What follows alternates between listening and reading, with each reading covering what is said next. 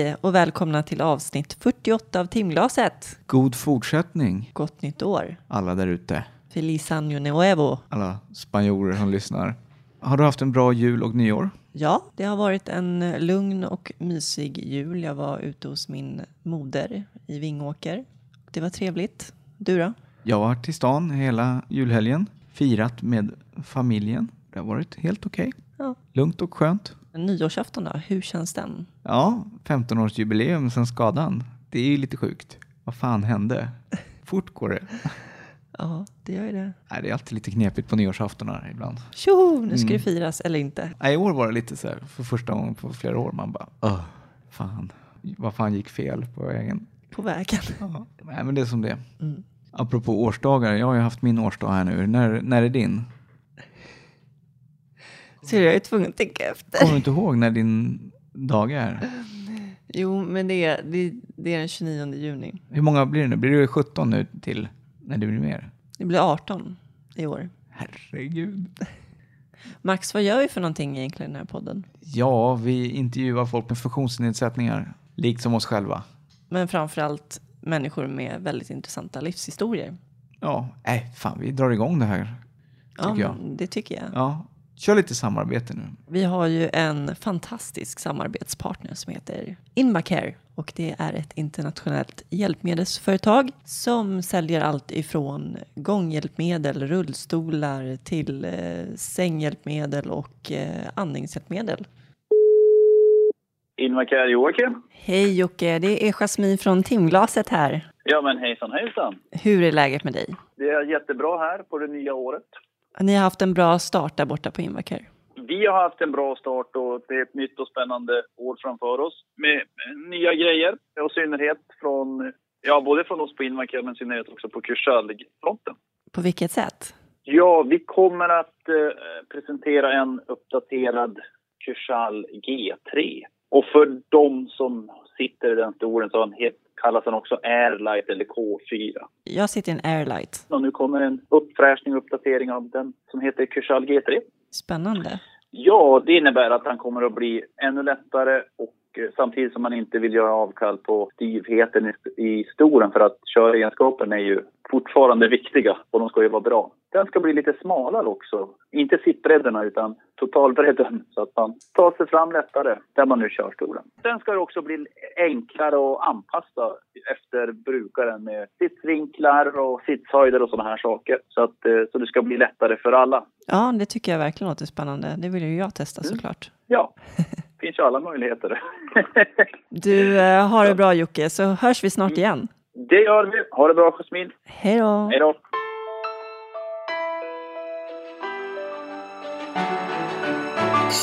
Idag ska ni få möta Katarina. När hon föddes fick hon syrebrist som gjorde att hon fick cerebral pares, eller CP som man säger i dagligt tal.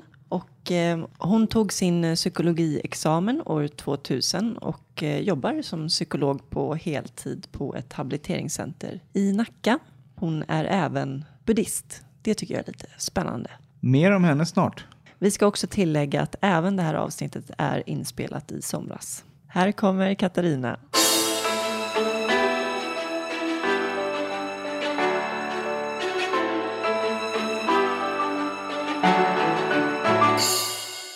Hej Katarina och välkommen till timglaset. Ja, hej, tack. Hur är läget med dig idag?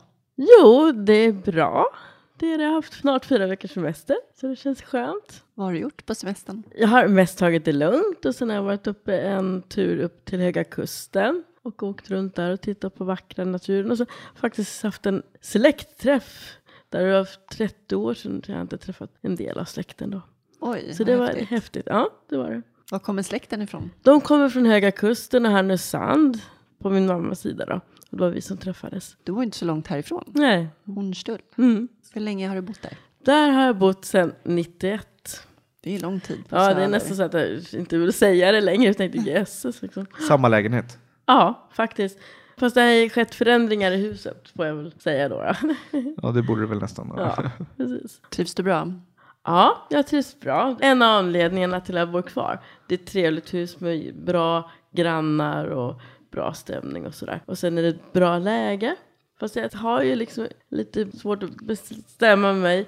För jag tänker att jag skulle behöva flytta till något lite större. Jag skulle vilja ha. Hur stor lägenhet har du? Det är 64 kvadrat, två rum och kök. Vart kommer du ifrån?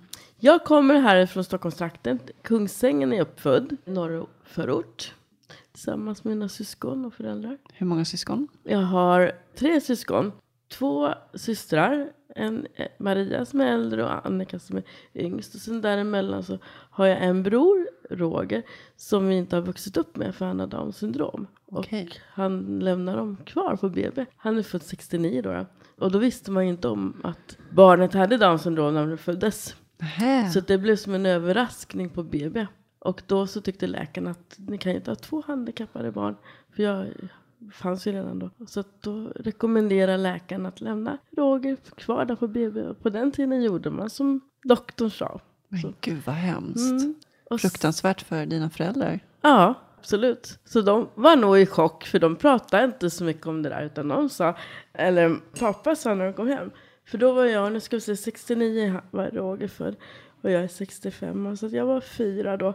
Och Maria var fem. Och vi har något sådär att pappa sa att ja, Roger, eller bebisen dog på BB sådär. Och så sa inte mamma någonting. Så var det ju så att de hade inte förberett sig och pratat om vad ska vi säga nu då. Och sen så sa pappa sådär. Och då kunde inte mamma säga att nej, bebisen var inte död men vi lämnar den där. Så blev det liksom. När fick ni veta om att han hade funnits? Jag tror det var 2003. Och då var det Annika, min yngsta syster, som hade sett ett eh, brev från socialtjänsten. För då var hon på familjehem. Så det kom det ett brev med information då, en gång om året. Då hade hon hittat det när hon var 16 år i byrålådan i sovrummet hos, inne hos föräldrarna. Och så hade hon gått och tänkt på det där. Och sen, så när hon var vuxen så frågade hon mamma att det här namnet med Roger, kan jag få leta upp honom? Och såklart, det fick hon ju då. Och då fanns han i Uppsala hos en familj där då. Och eh, har varit där sedan han var en månad gammal. Så tog de hand om honom. Så han har växt upp där. Så Rosmarie och Leif då har har ju varit hans föräldrar. Så då träffade vi honom. Annika, mamma åkte hem till dem. Hur gammal var du då? 2003, oj då, då var jag över 30. Jag var väl 30, ska vi säga, 33 eller 37, ja, något sånt där.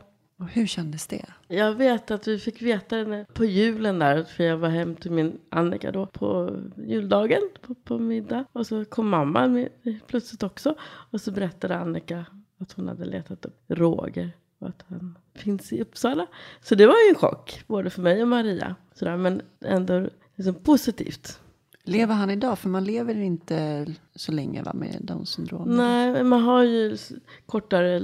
Liksom, Svagt hjärta. Ja, i, i, alla fall. Nu för tiden så opererar man ju de med Downs syndrom redan när de är spädbarn. Så att deras eh, livslängd har blivit betydligt längre än tidigare då. Han lever, han är nu 48. Mm. Ja, men han lever, bor på gruppbostad i Uppsala och för det mesta verkar må bra. Mm. Har ni kontakt? Eller? Ja, vi hade tänkt, jag och Maria, min äldsta syster, bjuda honom och hans mamma Rosmarie på grill hemma hos Maria då, då, som bor i ett hus på landet. Men då hade han bestämt sig den dagen att han inte skulle komma. Så då kom han inte. ja. Senast jag träffade honom var när han fyllde år i februari. Hur tänkte dina föräldrar då när din syster hade hittat det där äh, Mm. brevet? Hur var det för dem att ta upp kontakten? Det var framförallt mamma då. En period innan så var vår pappa väldigt dålig, sjuk. Och det var så här, en period var det väldigt kritiskt om han skulle överleva. Och då vet jag att mamma berättade i efterhand att hon i allt det här då så hade hon samtidigt en oro att dör Rolf nu, alltså vår pappa, då kommer ju det upp det här med Roger. Och hur ska jag göra? Och så var det så mycket runt pappas hälsa och om han skulle överleva eller inte. Så det blev aldrig att hon sa någonting. Så när väl Annika frågade om det här, om att få ta kontakt och så, och när det kom fram och vi liksom träffade honom, då tyckte hon att det var bra. Och eh, vi har pratat om det och jag har absolut inte känt något sån här att men gud varför har du inte sagt något? Jag har snarare känt och tänker så här att ja men de hanterade det bästa som de kunde. Hur man än gör, liksom, det är klart att det var väl inte så bra att inte säga något men de gjorde väl det de, Det de trodde var rätt. ja, eller det de kunde. När du föddes Mm. så fick du syrebrist. Ja, alltså Och- vad jag har förstått så fick jag navelsträngen runt halsen så att jag inte fick syre Så tillräckligt. det ledde till en CP-skada. Ja. Kan du eh, beskriva din funktionsnedsättning? Jag har en CP-skada där jag kan, jag kan inte gå, jag sitter i rullstol. Min högersida är mer förlamad eller mindre rörlig än den vänstra. Jag är spastisk i benen väldigt mycket. Jag har svårt för att böja mina ben, vilket är irriterande. De vill gärna sticka ut sådär. Och jag är också spastisk i högerarmen. Jag eh, kan förflytta mig, eller när jag förflyttar mig så använder jag mina ben som stöd. Men jag behöver hjälp av ben också. Jag eh, har tal. Det är många som har svårt för tal när man har CP-skada. Har ingen värk. Det är också vanligt när man har cerebral pares. Och du föddes 1965. Ja, Märkte man med en gång att det var, hade hänt något? nej, vilket jag tror man skulle ha gjort idag. Utan de sa att det var, allt var bra med mig. Och sen så när mamma åkte upp till sin mamma, mormor då, så tyckte hon att det var något konstigt med mig. Så påpekade hon det. Men läkarna på, på BB och barnavårdscentralen om, om första kontrollen där har jag fått mig återberättas sa ingenting som var annorlunda. Så när uppdagades det? Jag har förstått så fick jag diagnosen när jag var ett år. Om det här stämmer, jag, men jag har något så här minne att också mamma liksom gick och frågade läkarna så att det är något som inte det ska. Och så fick hon första tiden bara veta att jo men allt är som det ska, det är bara att barn är olika tidiga och sena i sin utveckling. Så det är inget att oroa sig för. Jag tänker på den tiden så var man ganska flitig på att skicka barn på institution som föddes med funktionsnedsättningar. Var det på tal för dig? Nej, alltså inte mina föräldrar. När Roger kom fram gick jag och tänkte en period, ja men gud, tänk om jag, skulle jag ha liksom lämnats bort? Hade de sådana tankar? Och då så var jag ju tvungen att fråga mamma. Och det gjorde jag efter en period där. Och då sa nej det fanns inte på kartan. För dels så var det ju inget fel på dig när du föddes. Så att vi hade ju redan tagit hem dig. Och inte när det uppdagades heller. När förstod du att du var annorlunda på något sätt? Där vid lekis. Jag gick ju aldrig på dagis, man gjorde ju inte det på den tiden. Utan jag tror att det var någonstans där fem sex års ålder när jag började lekis. Och att man liksom kommer utanför sin närmaste värld med föräldrar och så. Och hur var din eh, uppväxt? Ja, ja men jag tycker den i det i det stora hela har varit bra.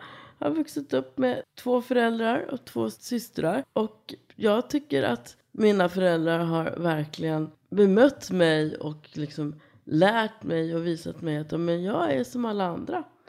Min upplevelse i alla fall att de omhuldade inte mig eller curlade mig eller något sånt där.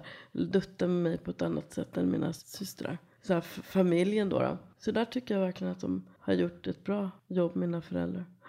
Vad har du fått för bemötande under din uppväxt? Jag tänker med kompisar och i skolan och sådär.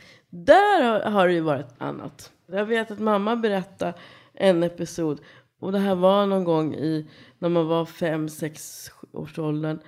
För då hade mina två systrar, de hade aktiviteter.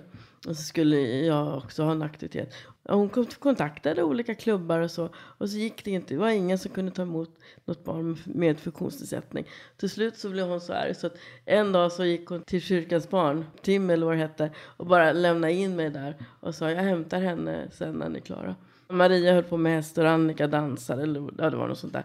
Med mig då så kontaktade hon alla sådana barnaktiviteter i Upplandsbro kommun där de bodde då. Och ingenstans fick jag plats då tyckte de som hade de här. Men sa kyrkan, sa de också nej från början eller? Jag tror inte det. Det vet jag inte, men jag tror inte det. När hon berättade om den här händelsen så var det att hon bara lämnade mig där och sa att nu, nu ska hon vara här och vara med på aktiviteten och så hämta henne när ni är klara. Så. Och hur gick det för dig? Jo, jag tyckte det var jätteroligt. Vi satt där och sjöng och, och lekte och, och eh, höll på med olika ja, lera och färg och du vet som man gör. Och så tänkte man ju inte på var jag var någonstans för det var ju bara kul som alla barn sådär. Ja. Men du var den enda som hade en funktionsnedsättning. Ja, mm. Så var det ju hela tiden, som jag minns i alla fall. På lekis så var jag den enda som hade funktionsnedsättning. Och sen på kyrkans barntimme då. då. Och ehm, sen, sen när jag började skolan också så var jag den enda. Och hur var det när du började skolan? Alltså i början var det bra på lågstadiet. Sådär. Det var roligt och man hade kompisar. Och ju äldre jag blev och ju högre upp jag kom i klasserna där så blev jag mer och mer utanför. Så var det svårt att få liksom, plats och kompisar och så. Blev du någonsin retad? Mm, det blev jag. Framförallt på mellanstadiet var jobbig tid. Då blev jag retad. Sådär, så CP-idiot och fick inte vara med. Sådär. Mm. Ordet CP, Mm. var det redan ett inom parentes skällsord då på 60-talet? Ja, mm, det var det. Det trodde jag kom på 80-talet. När vi har Fast- intervjuat andra. Ja, fast nu när jag pratar om skoltiden här så var det 70-talet då. Ja, det blir det ju. Precis, Ja. ja. Men jag kan tänka mig, eller alltså, sex, jag vet jag inte, men jag kan tänka mig det. Vad gjorde det med dig? Någonstans inuti mig så gjorde det ont. Fast jag eh, utåt så tog jag med an det här uttrycket också. Jag tog till mig uttrycket också. Och använde det ordet också. Så här, som CP-idiot. Och så sa jag och, och, och visade att jag, det är liksom, jag vill inget med det. Fast egentligen så tyckte jag ju att det var fel. Och framförallt så här efteråt som vuxen så tycker jag att det, det är fel att använda det ordet på det sättet. Som, Det är hemskt att det är så, för så var det ju i skolan. Alltså, och även vuxna idag hör man ju använda det som jo, och skällsord. även vuxna på, på den tiden Ja. gjorde ju det. Och, och sen liksom en liten efter skämtsam ton sådär. Att det är liksom, man menar inte men man säger ändå här liksom. Ja, det har väl säkert vi gjort också, kan jag tänka mig. Ja, Tu- även tusentals efter, gånger man Även efter liten. skadan Ja. har jag säkert gjort det några gånger. Liksom. Och Nu försöker man verkligen tänka på det. Men Mm. Jag tror att alla gör det. Alla som blir arga, förbannade någon gång och upprörda. Jävla CP tror jag att alla någon gång har sagt. Hur Eller tänker många. du idag då, när, när du hör det? Jag tycker inte man ska använda det ordet på just det sättet. Det är så stor bredd på funktionsnedsättningar. Alltså det finns ju de som har jätteomfattande funktionsnedsättning med både kognitivt och rörelsenedsättning och de som bara har en skada i ena benet och klarar av och de, och de som har jättestora svårigheter med att prata fast man inte har några kognitiva nedsättningar. Och så får man det bemötandet då att man också har en utvecklingsstörning fast man kanske är hur bright och smart som helst. Så jag tycker inte man ska använda, egentligen tycker jag inte det. Det är något nedsättande, det är något negativt klang man använder det. Det är ju inte med, med stolthet eller så. När, när man tar till ordet oavsett orsaken bakom att man har det som kraftuttryck så är det ju negativt. Vad är det det står för? Det står... Sen, Cerebral pares, alltså förlamning i hjärnan. Och skadan ska ju ha inträffat. Cerebral pares heter skad, hjärnskadan om hjärnan blir skadad upp till två års ålder. Oftast är det förlossningsskada men det kan ju också vara att det är någon traumatisk skada på hjärnan när barnet inte har fyllt två år. Eller någon infektion hos spädbarnet som gör att hjärnan blir skadad. När fick du för första gången träffa någon med, med liknande funktionsnedsättning som du har? Dels var det nog när jag var på sjukhus. Jag var inte på någon institution, men varje gång jag opererade mig så var jag på Sankt Bernadotthemmet var det först. Och så var det på Karolinska. Vad var det för operationer? Man gjorde lite olika för operationer. De flesta operationer på mina ben det är hälsensförlängningar och det är knäna och det är ljumskarna och det är i midjan för att jag ska kunna böja mer och så. Och alla de där operationerna gjordes då när jag var barn. Och höften, för att höftleden gick, ena höften gick ur led så här så då gjorde man en sån operation. Och då så efter de operationerna så var jag på rehab. Där träffade jag ju andra handikappade barn. Det måste ju ändå ha betytt mycket. Ja, fast det, det var ju inte så kul på den där. För det där var ju institutionsliknande.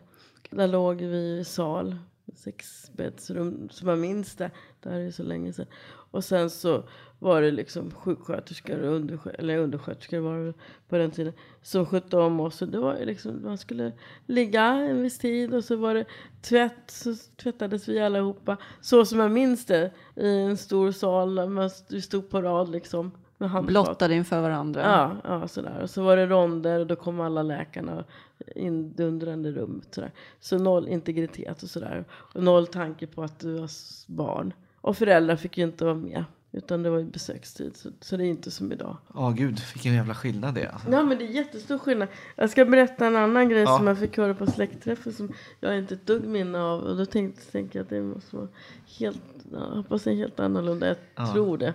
Då när jag var på den här släktträffen här nu då, i helgen så var det en av mina ingifta mostrar som berättade att hon hade ett minne då jag var barn och de har haft segelbåt så de var ute och seglat. Så kom de då till våra föräldrar i Kungsängen och så åkte vi båt och så kommer vi till Skokloster tror jag hon sa. Och kom du ihåg den här gången då ni var ute och åkte båt med oss och så kom vi till Skokloster och vi hoppade i land och så kom det fram en person och gav dig pengar. Och så, nej, så jag, jag minns faktiskt inte den episoden. Men det kommer jag ihåg så jätte, jättetydligt sa hon då. Jag kan säga att jag fick pengar 2002 också. Är det sant? Ja, i matkassan så var det en tant framför mig som gav mig Nej. pengar. Nej, jag det skäms. För jag sa så här till Eva, heter hon. Alltså jag tror ju att, ja det är helt vidrigt så det är inte klokt när du säger. Jag vet att jag har fått, jag har fått både pengar, jag fick någon LP-skiva som jag försökte av klor, näbbar och klor, bara säga nej jag vill inte ha den. Men till slut bara för att bli av med gubben så tog jag den. Men jag tror ju inte att det är så idag. Så att den, Men då har du ju en erfarenhet nu då? Men det var ju också då en Gud. äldre tant, så att då är det den generationen Alltså, kanske. tant, eller? hon var kanske i 50-årsåldern. Ja, Ja, jag är 51 så att det men det här är ändå 12-13 Ja, det är år. 12 år sedan. Ja, 10. Då fick jag hennes växel. La hon det i knät till mig. Jo. Var någonstans var du? Ja, det var Ica. Det här är Stockholm. Ja. Ja. Fruktansvärt förolämpande. Alltså. Ja. men jag fast förstår inte. hur- Och hon var inte 90 utan hon var 50. ja, som jag minns det. Alltså det jag kommer inte ihåg, men jag sa en massa dumma saker till henne. Som, Hon var inte Med all rätt. ja, Hon gick inte omkring i någon religiös dräkt sådär eller? inte vad jag minns. Ja, vad skrämmande då. Då gick ju min teori stup. Hur långa perioder låg du då på den här Alltså- institutionsliknande rehabiliteringen? Jag kan inte återge hur långt det... men Jag minns som att man var där veckovis. Alltså måndag till fredag så fick man komma hem på helgerna. Och jag vet inte, jag var ju barn och som barn har man en annan tidsuppfattning. Men som jag minns det så var det jättelång tid. Och så, så tyckte jag att många av de här sjuksköterskorna inte var så snälla. Så kanske de var snälla men jag var som barn så här. Jag vet inte om jag minns rätt men jag minns det som att man skulle be bordsbön till maten och sådär. I alla fall i början där. Och hur kändes det? Var ni, ni, ni var väl inte en kristen familj? Nej, nej, nej, nej, nej. Absolut nej. Jag tyckte det var jättedumt. Jag gjorde, jag gjorde inte det, men det ska man göra. Ja, men det här med, med kompisar då, Mm. på skoltiden och sådär. Var du ensam som barn eller? Inte i början. Jag hade några kompisar sådär. Men inte sådär jättemånga kompisar. Men jag hade Stefan, en killkompis, som jag träffade när jag var liten. Hans familj bodde i samma hus som vi då. Våra föräldrar umgicks med Alice och Gösta. Och så blev vi kompisar med deras barn. Då. Jag med Stefan och så Annika med Karin, systern där. Och han var jag kompis med i vått och torrt. Och vi gjorde en massa saker. Ut och busa och sådär. Så han hade jag. Men däremot så hade jag jättesvårt att få kompisar i klassen. Jag hade en tjej där. Men sen flyttade hon tråkigt nog till Dalarna. I, om det var andra årskursen och sånt där. När hon flyttade så blev det ensamt sådär. Och sen ju äldre jag blev, ju högre upp i klassen man kom så blev det liksom tuffare och tuffare. Det var tufft. Så. Hur var tillgängligheten på skolan? Alltså jag fick ju gå i Kungsängen så fick jag gå i Bergaskolan som var en tillgänglig skola. Och den hörde egentligen inte till upptagningsområdet som jag bodde då utan det var en annan skola. Men det var ju så pass nära varandra så det var inte så stort problem. Sen när jag skulle börja i högstadiet så gick det inte att gå i, i Upplands-Bro kommun längre. För där var det bara trappor i den skolan. Så då fick jag åka till eh, Sollentuna. Jag går i Turebergsskolan. Den tiden var ganska bra. Men det som var negativt där, det var ju att jag bodde ju inte i Sollentuna. Det var ju svårt att ha kompisar på fritiden. För då åkte jag ju i skolskjuts och då åkte jag ju hem. Och då åkte jag ju till Kungsängen. Och alla klasskompisar var ju i Sollentuna. Det är inte optimalt. Kommer du ihåg din första rullstol? Ja, det gör jag jätteväl. Kommer inte exakt ihåg årtalet men det måste varit någon gång där i början på 70-talet. Kanske 71 eller 72. Och jag minns det jätteväl för jag ville absolut inte ha den. De jag hade sett i rullstol, det var ju pensionärer. Och så var det väl en och annan söndersupen A-lagare i Kungsängen centrum. Som hade supit sönder sin kropp. Så att det inte funkar längre. Det var liksom de jag hade sett i rullstol. Och så kom och så med en sjukgymnast med rullstolen då. Det var inte de här fina stolarna som är här idag. Utan det var en sån här Schabrak. Ja, stålschabrak med, med här blåhängande klädsel. Så. Jag minns att där var vi, det är inomhus och så var vi ute på liksom, trottoaren eller på gatan utanför huset. Där, på Hur gammal eh, var du då? Någonstans sex, sju, åtta. Första gången så där, tror, tror jag provade. Hur hade du tagit dig fram innan då? Dels så hade jag försökt lära mig gå. Det var ju det som man skulle göra. De ville att alla skulle försöka lära sig gå. Så här ställningar? eh, Ja, de, de här operationerna var ju mycket till det. Och sen att se om det kunde gå. Så jag hade rullator som jag gick med inomhus. Och så kröp jag mycket. Hur var det då när du satte dig i rullstolen? Jag tyckte inte om det från början. Men sen, det här är ju ganska stora hopp då. För sen när de här bättre rullstolarna kom, som Stainless av dem, så var det ju faktiskt så att jag märkte att det blev bra. För då kunde man ju faktiskt göra lite saker samtidigt. Ta sig fram, i alla fall inomhus, och sen ha armarna fria för att göra saker. Jag hade jag rullatorn så var jag tvungen att hålla den, för jag kunde inte släppa den. För jag har aldrig haft så bra balans. Men många med cerebral pares kan ju gå en del, eller stå bra. Eller ganska bra balans så. Men det har inte jag kunnat. Hade jag ru- rullator så var jag tvungen att hålla mig. Så släppte jag så ramlade jag. Så då kunde jag ju liksom inte ta saker och det. Så det tyckte jag var jättebra. När jag liksom upplevde det. Att jag blev friare. Vad hade du för drömmar som barn? Jag har väl aldrig haft någon så här riktigt, det här drömmen har jag. Däremot så hade jag i alla fall när jag var barn, alltså liten, att, man, att jag aldrig såg mig riktigt som funktionsnedsatt. Utan jag såg mig som Katarina. Och sen så allt eftersom äldre jag blev så blev det ju mer det här att jag förstod att jag var annorlunda och hade svårare ja, svårt att få vara med kompisar en period och sådär. Men min dröm var nog, ja, men jag ska nog liksom göra som alla andra eller få, ha ett liv som alla andra tror jag. Om man nu tar bort det här, ja jag ska bli den stora popstjärnan som alla liksom tonåringar, 12-åringar, 11-åringar har en period där. Men om man tänker bort det så har jag liksom, men det där ska jag göra eller det, så ska jag ha. Men någonstans så har jag liksom hela tiden tänkt att ja, men jag ska flytta hemifrån och jag ska ha jobb och familj och sådär. Och inte haft den här bilden av mig själv som annorlunda. Och det är ju bra. Mm. Jag menar, det har ju tagit dig dit du är idag också. Ja, men jag tror det. Och jag vet inte var jag har fått den. Men jag, Dina föräldrar har ju inte behandlat dig annorlunda Nej. heller. Så det måste ju också ha varit. jag tror att det är därifrån. Jag har ju varit med om allt det här klassiska. Ja, men det här med, med sjukhusvistelserna. Föräldrarna fick inte vara med. Jättejobbigt att ha så minnen av att jag nu blir jag övergiven och har, liksom, tycker det är jobbigt med separationer. Och det kommer ju därifrån. För första operationerna gjordes ju då när jag var runt ettårsåldern och så. Så det kommer ju därifrån. Och sen var det jättetufft i tonåren där. Men ändå känner jag någonstans när jag tänker tillbaka att det har funnits någon sån här stark bild av att jag duger, jag kan även om den har varit lite nedtryckt periodvis, framförallt när man var ung där.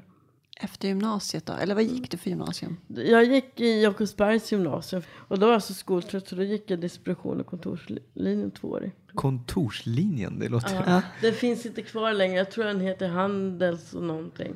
Hur var det då? Eller hur var den? Eh, Det var en jättejobbig period. Dels var jag skoltrött och så var det ingen bra grupp och jag blev retad och det var bara pest alltihopa. Och kände mig mindre värd och så. Det var en jättejobbig tid. Hur hanterade du det? var mycket ledsen. Men eh, sa inte så mycket. Det var liksom tyst och ja, ledsen. Och sen så gjorde jag väl det jag skulle göra. Men samtidigt i det här då så, så var jag ju faktiskt med rekryteringsgruppen. Började ju starta upp där. Så jag var ju med där. Och tränade, ja, var på några sommarkurser. Och sen så startade ju två stycken en sån här idrottsgrupp i Jakobsberg. Där. Det här var på 80-talet, slutet på 80-talet. Så då körde vi runt där. Och det var bra. Det var superbra. Och så var det som en fristad då när du fick komma dit? Och... Mm, en fristad och så var det liksom andra personer i samma ålder och det var liksom häftigt och vi var liksom bra jargong och häftig jargong. Men ändå liksom hjärtlig och sådär. Så det kanske gav dig styrka då och Ja. ändå ta igenom det som var jobbigt? Precis, det var liksom motvikten. Sen var det skitjobbigt där andra med, med kompisarna och killar och alltihop bara. Det var Hur yttrade det sig? Utanförskap. Svårt att få vara med, komma in i gruppen, utanförskap, inte bli tillfrågad. Varför tror du att det är så? Vad kan man göra för att eh, förändra det i skolorna? För att det inte ska... Jag menar, lärarna måste ju ha sett, måste ju varit uppenbart. Ja. Jag har en sån här tanke att i grunden så tror jag det handlar om någon sorts någon förändring, attitydsförändring i grunden av hur vi människor ser på varandra på något sätt. Det här med förutsättningar, att det måste liksom finnas möjlighet att fastän man inte är som man ska vara i den här grundmallen så måste det ändå gå att få till förutsättningar så att alla kan vara med. Och lägga det bara på en lärare eller på en förälder eller på vissa klasskompisar. Det, är svårt tror jag. Utan jag. Jag tror att det måste till någon grundförändring i hur vi ser på varandra och hur vi ser på alla oss människor, vilka förutsättningar vi har. Apropå det, hur vi ser på varandra och hur vi benämner varandra och bemöter varandra. Mm. Det är ju mycket diskussioner nu kring de här nya orden som har kommit. Mm. Funkis och man ska säga funktionsvariationer. Mm. Eller Socialstyrelsen har ju slagit fast då funktionsnedsättningar. Mm. Att det är det politiskt korrekta. Vad tänker du kring de här diskussionerna? tycker det är viktiga diskussioner. Allting är ju en utveckling. Ingenting står ju still. Absolut är det jätte, jätteviktigt med ord. Och orden påverkar ju också hur vi ser på tillvaron och på varandra. Så ord är jätteviktiga. Samtidigt så tycker jag, och som jag tycker också att jag har upplevt så många gånger, att man kan vara så jäkla politiskt korrekt och använda orden precis så som man ska göra. Och sen så kanske man agerar på ett något annat sätt. Eller inte är genuin i det. Och då för mig så faller alltihopa. Alltså vi har ju fördomar. Alla har ju sitt eget att kämpa med. Vi har ju väldigt svårt för ordet funkis. Mm. Jag tycker det är lite nedvärderande. Det är för, mm. Jag tycker det känns lite förminskande. Sen har det kommit ett nytt ord i sommar här också. Ett långt ord. Funktionsvariationer. Just det. Visst kan man använda det. Men återigen, ett till ord. Menar man ingenting med det liksom. Utan det är bara ett ord. Då säger det ingenting tycker jag. Då faller det tycker jag också. Jag ser mig ju inte som en variation. Jag ser mig mm. alltså att jag har en nedsättning. Nej, jag ser mig inte heller som en variation. Jag personligen tycker, jag kan inte vissa saker. Det är bara så. Jag kan inte gå i trappor och göra de vardagliga sakerna. Och det är ju en nedsättning. Det varierar ju inte hos mig heller. Och det vanligaste är ju faktiskt det som de flesta gör och kan. Alltså kan gå, kan ta sig fram mer eller mindre obehindrat så är det ju det vanliga att man fixar det. Om man åker tåg och buss och när man beställer biljetten till tåget ska åka till faster i Småland så beställer man ju biljetten och så kollar man inte upp om kommer jag in där eller kan jag sitta på den platsen utan är det en ledig plats så köper jag den och så går jag dit och sätter mig. Samtidigt så är det viktigt med det här, All, allting förändras och det måste utvecklas. Efter den jobbiga gymnasietiden då? Mm. När kom vändning till det bättre? Efter skoltiden och när man blir vuxen och sådär och, och jag flyttade hemifrån 86. Ja men då blev det lite bättre. Ja, jag har ju alltid haft arbete. Jag fick ju mitt första arbete när jag var 18 år efter gymnasiet. Vad var det? Det var som administratör på Upplandsbro kommun på personalavdelningen där. Hur var det när du sökte jobbet? Vad fick du för bemötande?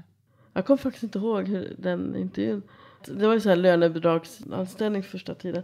Men efter några månader så tog de bort lönebidraget för att den chefen såg att jag gjorde jobbet lika bra som alla andra.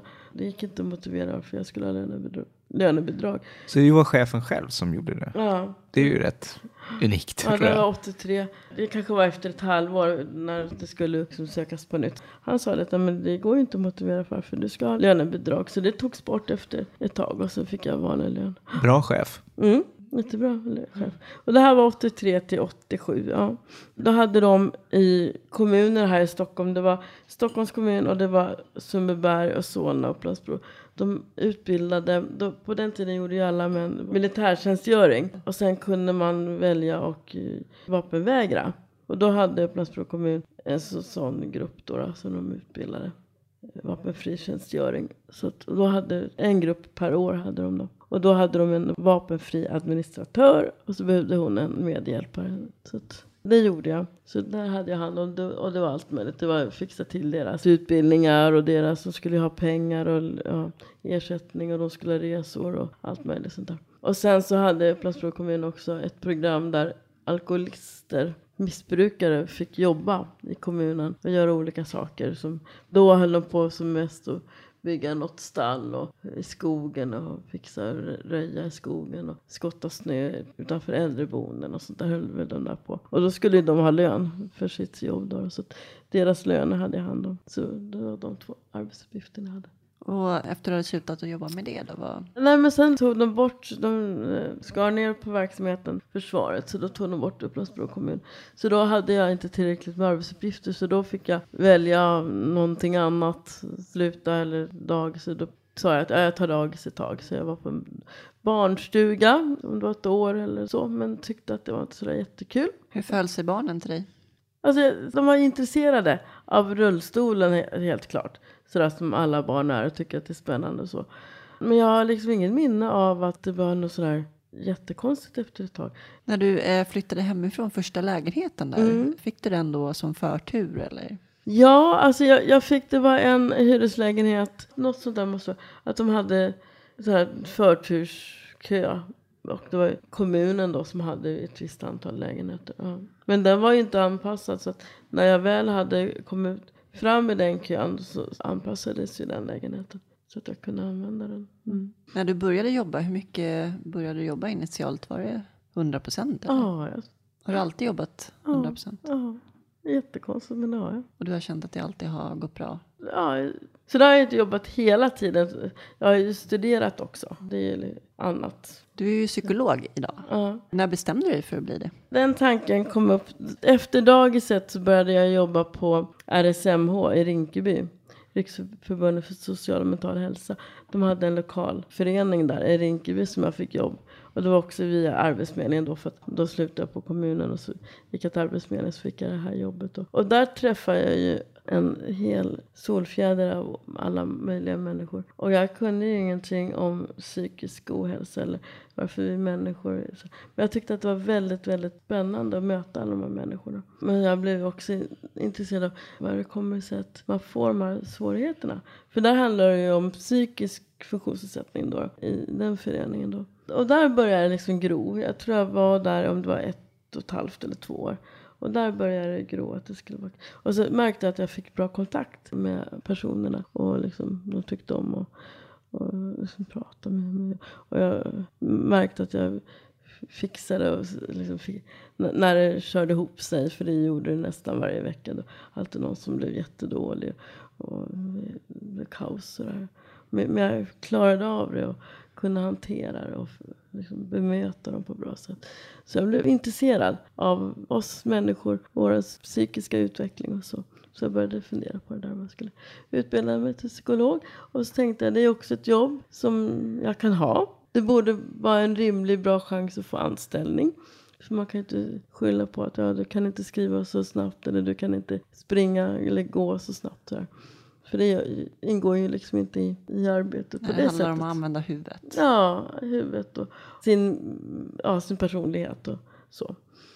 Så att jag började plugga där igen då för att ta mig in och så. Var det svårt att komma in? Ja, det var svårt. Det var svårt.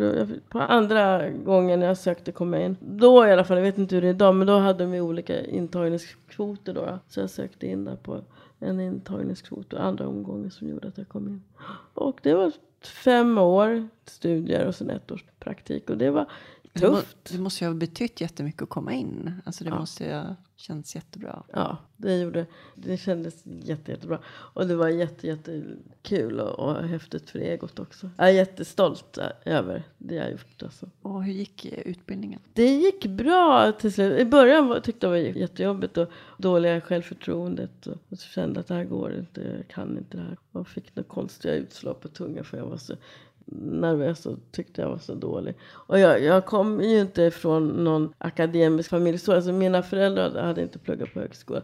Nu hade min mammas syskon gjort det så. Så släkten men inte min liksom, kärnfamilj. Så, där, så att jag hade ingenting sån kultur som jag kommer ifrån. Så det var liksom en, en chock där. Och sen var det ju också återigen när jag kom till psykologiska institutionen så var det ju inte tillgängligt. Jag kunde inte gå in i huvudentrén. Det gjorde jag ju inte på fem år. Utan jag gick in på baksidan. Samma entré som soporna stod, i alla fall ett par gånger i veckan, så stod soporna där från kafeterian. Så. Och där var jag tvungen att gå in då. För att det är så här gammalt, stort hus från ja, kanske början på 1900-talet med trappor och så här.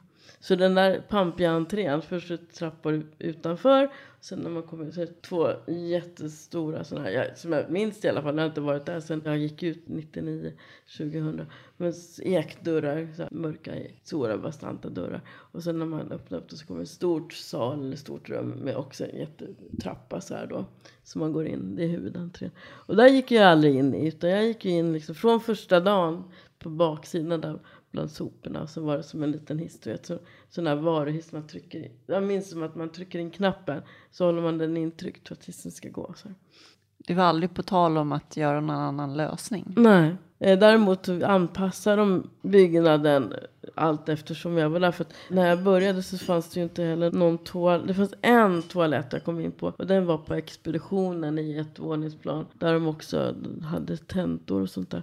Så jag kunde inte bara gå in där och gå på toaletten. Utan jag var tvungen att säga till. Så att de liksom Gud vad jobbigt. Att någon var tvungen att vara där i, i liksom rummet in, innanför då. Under fem års tid? Nej, nej, de fixade det där under första året. Alltså jag, jag minns det så himla väl, för jag minns de första tentorna. Så var det så att liksom, nej men nu får jag liksom tänka för så att man ska gå på toaletten. För det tar så jäkla tid, för jag var tvungen att dels ta hissen åka upp någon våningsplan och sen bort lång korridor. Alltså in i det där rummet då och säga till att nu är jag här liksom. Medan alltså, mina kursare, de hade ju toaletter liksom i samma rum som vi satt och skrev på. Men det där fixade de till sen. De byggde faktiskt. Först byggde de första handikapptoan som jag kom in på. Samma eh, våningsplan våningsplan bredvid tentasalen. Och sen allt eftersom så hade de byggt en toa på varje våningsplan. Och jag kommer inte ihåg om det är tre eller fyra våningsplan på det där huset. Så när jag slutade så frågade han faktiskt mig hur det skulle vara för att det skulle funka bra. Så när jag slutade så fanns det faktiskt en handikapptoa på varje våningsplan. Så du var som en pionjär mm. i sammanhanget? Mm, det var det. Så det är bra, fast jag tycker faktiskt det är väldigt dåligt att universitetet har en hel byggnad med utbildningar och inte är tillgängligt så här. Och det här var 90, började 93, 90, ja, 93, 94 och sådär. Mycket märkligt. Ja, det tycker jag är Men det är ju dåligt. många skolor som inte är anpassade. Alltså det är Mm. riktigt dåligt med tillgängligheten på skolor. Mm. Och sen tog du examen 2000. stämmer Ja, ja, precis. 99 gick vi ut som grupp och så jag hade ju klart allt. Så hade jag kvar en del på min uppsats då. då som jag skrev klart där på vintern och våren 2000. Och så gick jag upp med den augusti 2000. Och sen då, var det svårt att få jobb? Alltså jag började ju söka PTP-tjänst. För de, de söker man som vanliga jobb. Och då sökte jag de tjänsterna som kom ut i Stockholm-trakten i början. Och nu var det 2000 och då fanns det inte så mycket PTP-tjänster. Jag sökte dem i Stockholm och då kom jag inte ens på intervju. Där var det en period jag tänkte, nu tog det slut, stopp liksom. Ja, det var det så. Pluggat och sen kommer jag inte få jobb. För Ingen sådana. Jag, och jag varierade mig. Jag liksom skrev på vissa skrev att jag var rullstolsburen, andra sa jag ingenting. Kom du fram till vad som var bäst? De jobben jag sen var, kom på intervju, för jag kom ju på intervju sen. Där hade jag inte skrivit att jag satt i, i rullstol. Men sen vet jag inte om det berodde på att, att jag inte hade tagit upp det. För det slutade med att ja, men det här går inte, jag måste söka alla PTP psykologjobb. Jag kan inte titta på vad det är för jobb och var det ligger någonstans. Så då blev det så att jag sökte precis allting. Det kunde vara allt ifrån fängelse till, till forskar så, och psykiatri och barn och äldre och allt. Och det var över hela landet. Så. Och till slut så kom jag ju på intervjuer. Men det var ju inte här i Stockholm utan det var ju i Hudiksvall och så var det i Gällivare och så blev jag kallad till psykiatrin i Gävle också. Men som jag aldrig gick på då. Så jag vet inte om det berodde på att jag liksom vidgade mitt spann på att jag sökte allt. Var fick du jobb sen någonstans då? Så jag fick jobb både på eh, Hudiksvall ville de ha mig och uppe i Gällivare. Och då tog jag det i Gällivare för där hade det varit så himla trevligt på den intervjun. Den dagen jag var där. Det var jättetrevligt. Så då tog jag det.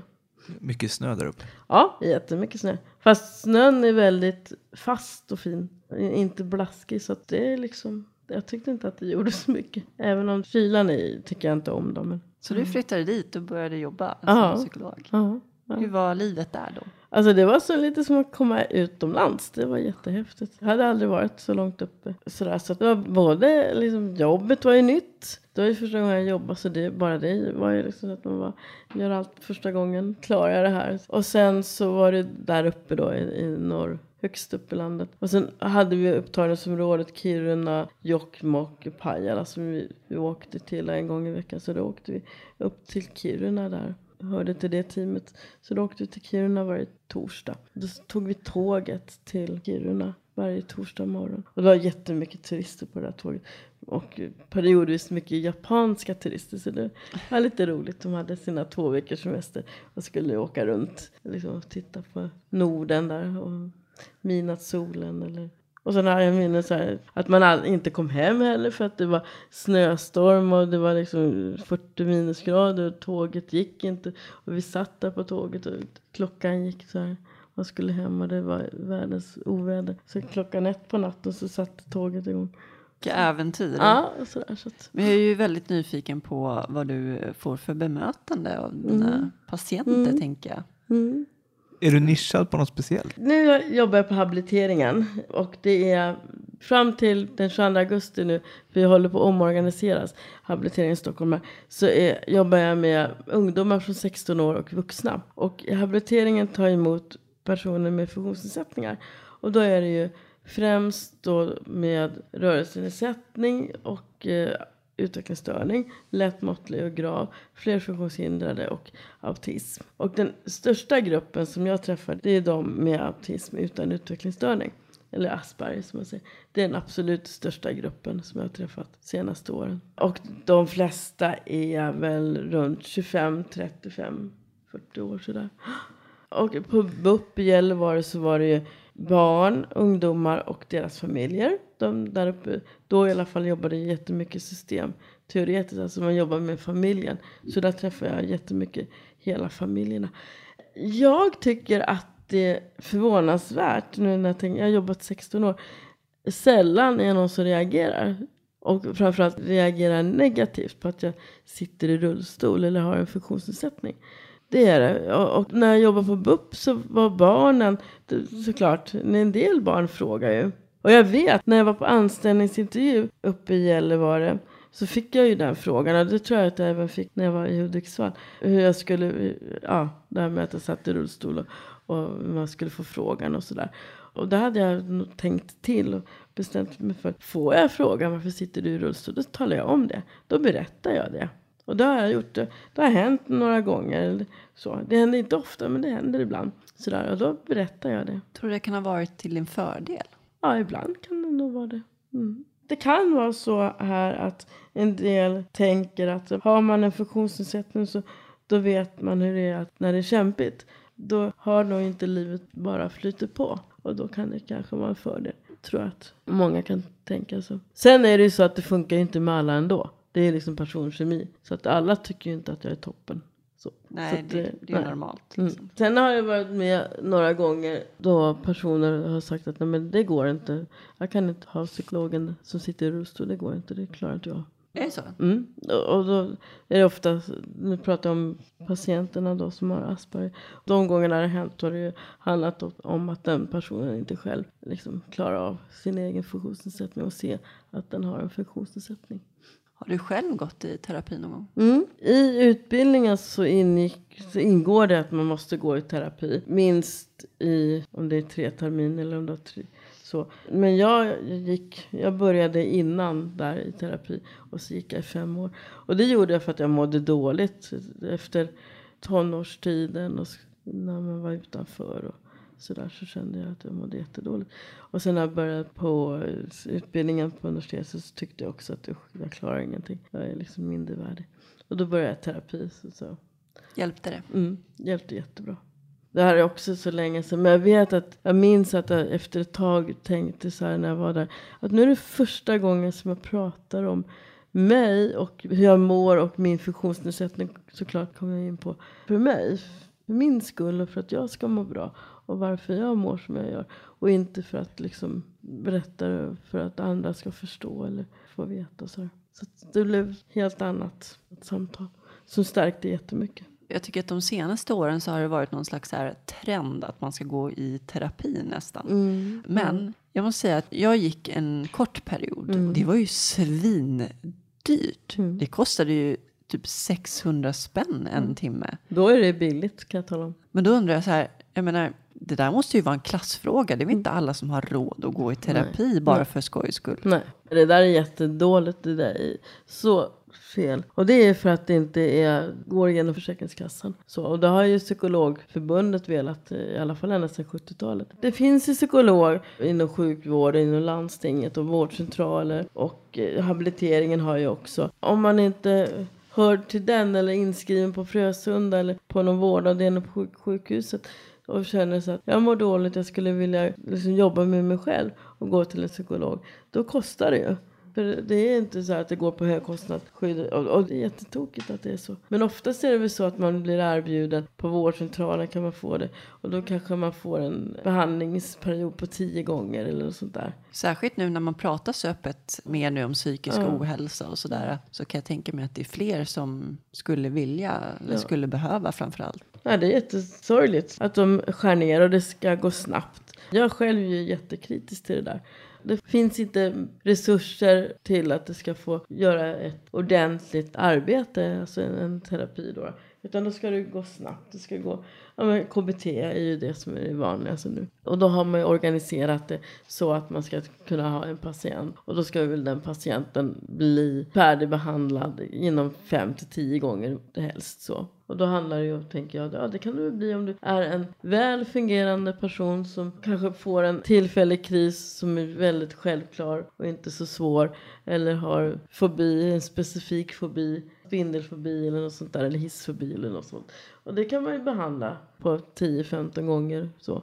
Men oftast är det ju jätte, mer komplext. Sitter djupare in i själen. Ja, och liksom kriser och ångest och utbrändhet och sånt. Och så har man då funktionsnedsättning så är det absolut jättesvårt. Psykologen jag gick till hintade att jag kunde, om jag säger att jag är självmordsbenägen, Ja, så kan jag få bidrag för att gå till psykolog.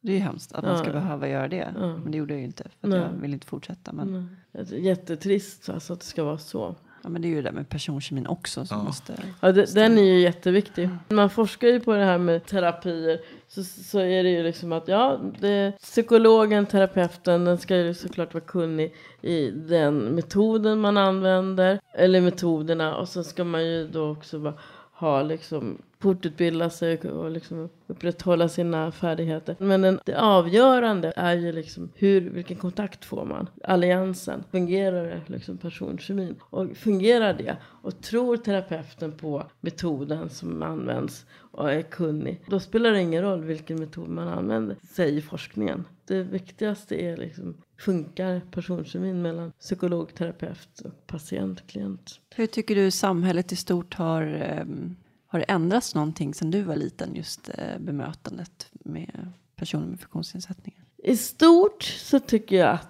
det har utvecklats positivt till det bättre. Absolut. Jag skulle absolut inte vilja tillbaka till 70-talet och 80-talet. Samtidigt så är det ju mycket kvar. Det finns massor kvar.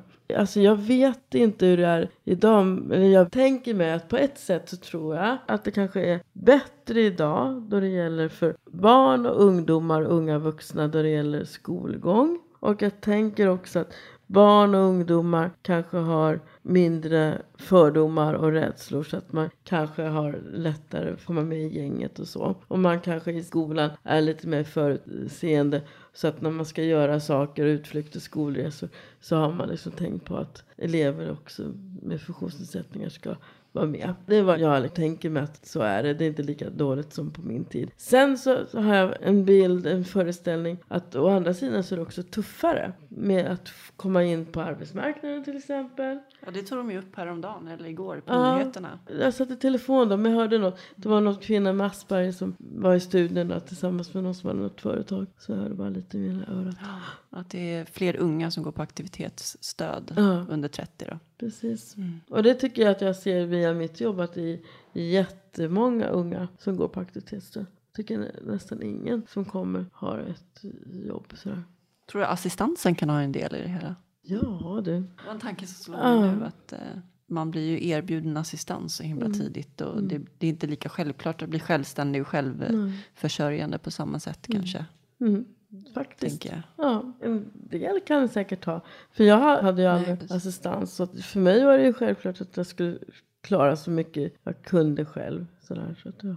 Ja. Lever du med assistans idag? Jag har ledsagning, så har jag 30 timmar i månaden. Och den ledsagningen har jag hjälpt till att träna framför allt. Och sen så ska jag göra lite det här lilla extra hemma och sådär. Vad gör dig arg? Orättvisor eller att bli dömd i förväg. Sådär att någon sätter liksom någon förutfattad mening. Det kan göra mig arg. Så. Och människor som inte visar respekt och hänsyn. Vad gör dig lycklig? Vänner och musik. Och få uppleva saker. Ut och resa eller musik och vänner. När fick du beröm senast? Alltså det var någon gång i våras. Jag vet att jag fick beröm på jobbet här i våras. Det kanske dyker upp, jag kommer faktiskt inte ihåg vad det var. Det var någon som sa, sa någonting. Den är knepig. Ja, den är, jätte, det är jättehemskt men usch, ja. Vad betyder frihet för dig? Det betyder att um, kunna klara mig själv. När det inte är liksom är knöligt och bökigt utan det, jag känner att det här funkar. När jag reser till exempel så kommer jag fram till resmålet och så säger ja, men det var så som de sa. Det var liksom en toalett som jag klarar av att gå på själv och det funkar bra och sådär. Och, så. och man känner liksom att åh, det kan det bara flyta på. Då blir det en känsla av frihet. Om du fick leva om ditt liv, skulle du göra någonting annorlunda då? Ja, då skulle jag faktiskt skaffa barn. Varför tror du att det inte blev så? Därför att jag inte träffade en man som, jag ville ha som far till mina barn i rätt tid. Vad skulle du vilja säga till någon som inte har någon erfarenhet av personer som lever med funktionsnedsättningar? Var som den person du är. Bemöt personer med funktionsnedsättningar som du bemöter alla andra. Var inte liksom rädd eller gör det inte till eller sådär. Eller, och, och tänk inte att den personen inte klarar saker eller är mindre värd än någon annan. Vad ska du göra resten av dagen? Nu ska jag hem och eh, fixa lite hem och plocka undan lite saker. För det kommer hem ett gäng till mig klockan sex som ska chanta. Jag håller på med, buddhism också och mediterar och sånt där. Ja, häftigt. Ja, det är häftigt. Så de kommer klockan sex. Sen halv fyra ska jag iväg och möta upp min systers dotter, mitt gudbarn, Junia. Jag ska passa henne mellan halv fyra och halv sex. Mm. Men du, är du buddhist? Ja, jag är buddhist. Jag har varit sedan 2006. Hur blev det det? Det blev jag bara av en slump det också. Efter jag kom till Stockholm, jag flyttade hem igen efter Gällivare-tiden, så hade jag jobb. Och på det jobbet så började en ny kurator, Tina. Och vi jobbade ihop. Så jag hade lite ärenden. Sen en dag så hade vi ett nybesök och sen gick det där nybesöket väldigt snabbt. Så vi hade liksom satt kvar där i rummet som vi hade bokat och hade tid över. Och då började vi prata om, liksom fråga varandra snacka om oss själva. Sådär, för det hade vi inte hunnit gjort. Och då kom vi in på det här att ja, man skulle behöva göra något för sig själv också. Så jag, jag håller man på att liksom hjälper alla möjliga människor som är kriser och svårigheter och själv liksom, i sista hand.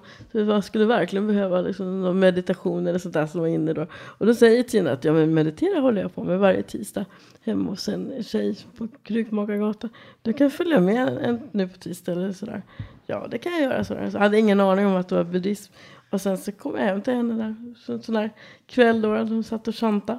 Och eh, tyckte, att jag tänkte så att jag skulle se vad det här är. Så tänkte jag, är, det bara en massa skumma typer då ska jag inte fortsätta. Men det var helt vanliga människor. Och så kände jag liksom att det, ja, men det kändes bra. Det tilltalade dig? Ja, det tilltalade mig och det kändes bra. Jag blev så liksom glad och fick energi så jag fortsatte. Ja, min mamma hon har varit åt det buddhistiska hållet ända Ja. sedan jag var liten. Okej. Här är Sukagakka. Buddhismen finns i flera grenar. Allting började i Indien och så gick en gren ner mot Tibet och, och eh, Thailand och den delen. Så är det en gren som gick norrut mot Japan. Och det är den grenen som jag praktiserar. Och då bildade de en förening efter andra världskriget då när det var så fattigt och eländigt i Japan den föreningen då har vuxit. Så att nu finns de över 192 länder i världen.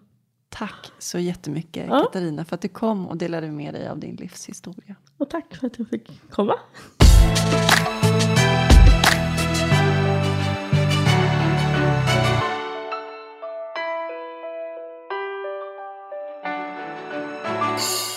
Har du gått till psykolog? Ja, absolut. Det ingick ju i vården jag var hos en psykolog en gång i veckan under hela min rehabilitering. Var det bra? Jag tyckte det var bra.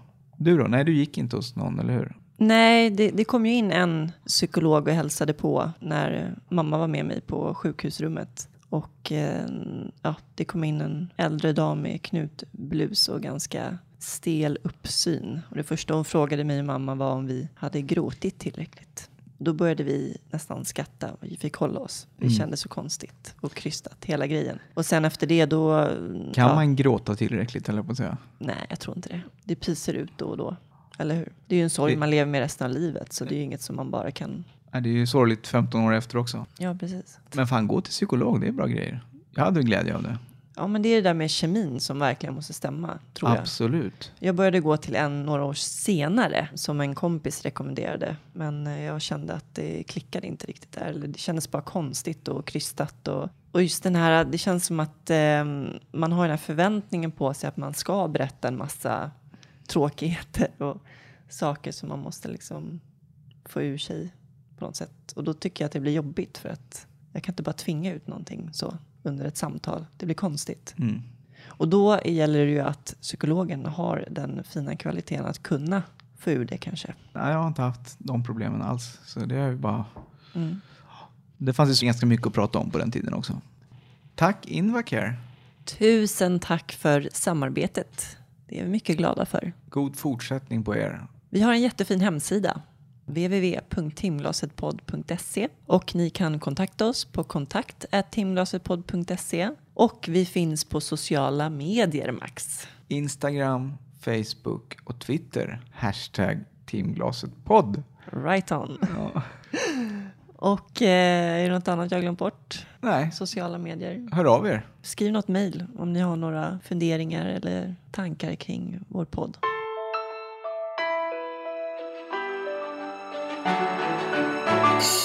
I nästa avsnitt ska ni få möta vår kompis Martin. Jajamän. Då kommer det bli en himla massa galghumor och prat om både sorg och död och lite allt möjligt. Och sånt där. Men vem är han? Ja, vem är han? Han skadade sig i en dykolycka för typ 12-13 år sedan. Han är nyligen färdigutbildad landskapsarkitekt. Och ska väl jobba med det på något sätt i framtiden. Jag träffade honom första gången på ett RG-läger när han var där som nyskadad. Och jag var där och spelade rugby. Och det är jättelänge sedan känns det som nu. Herregud. Hur var det mötet? Klickade det mellan er? Nej, tror jag inte. Men det klickade senare. Mm. Jag umgås väl mer med honom kanske än vad du gör. Ja, det tror jag. Det blir nog ett roligt avsnitt, tror jag. I alla fall för oss. Mer om honom nästa vecka. Ha det bra. Hej då!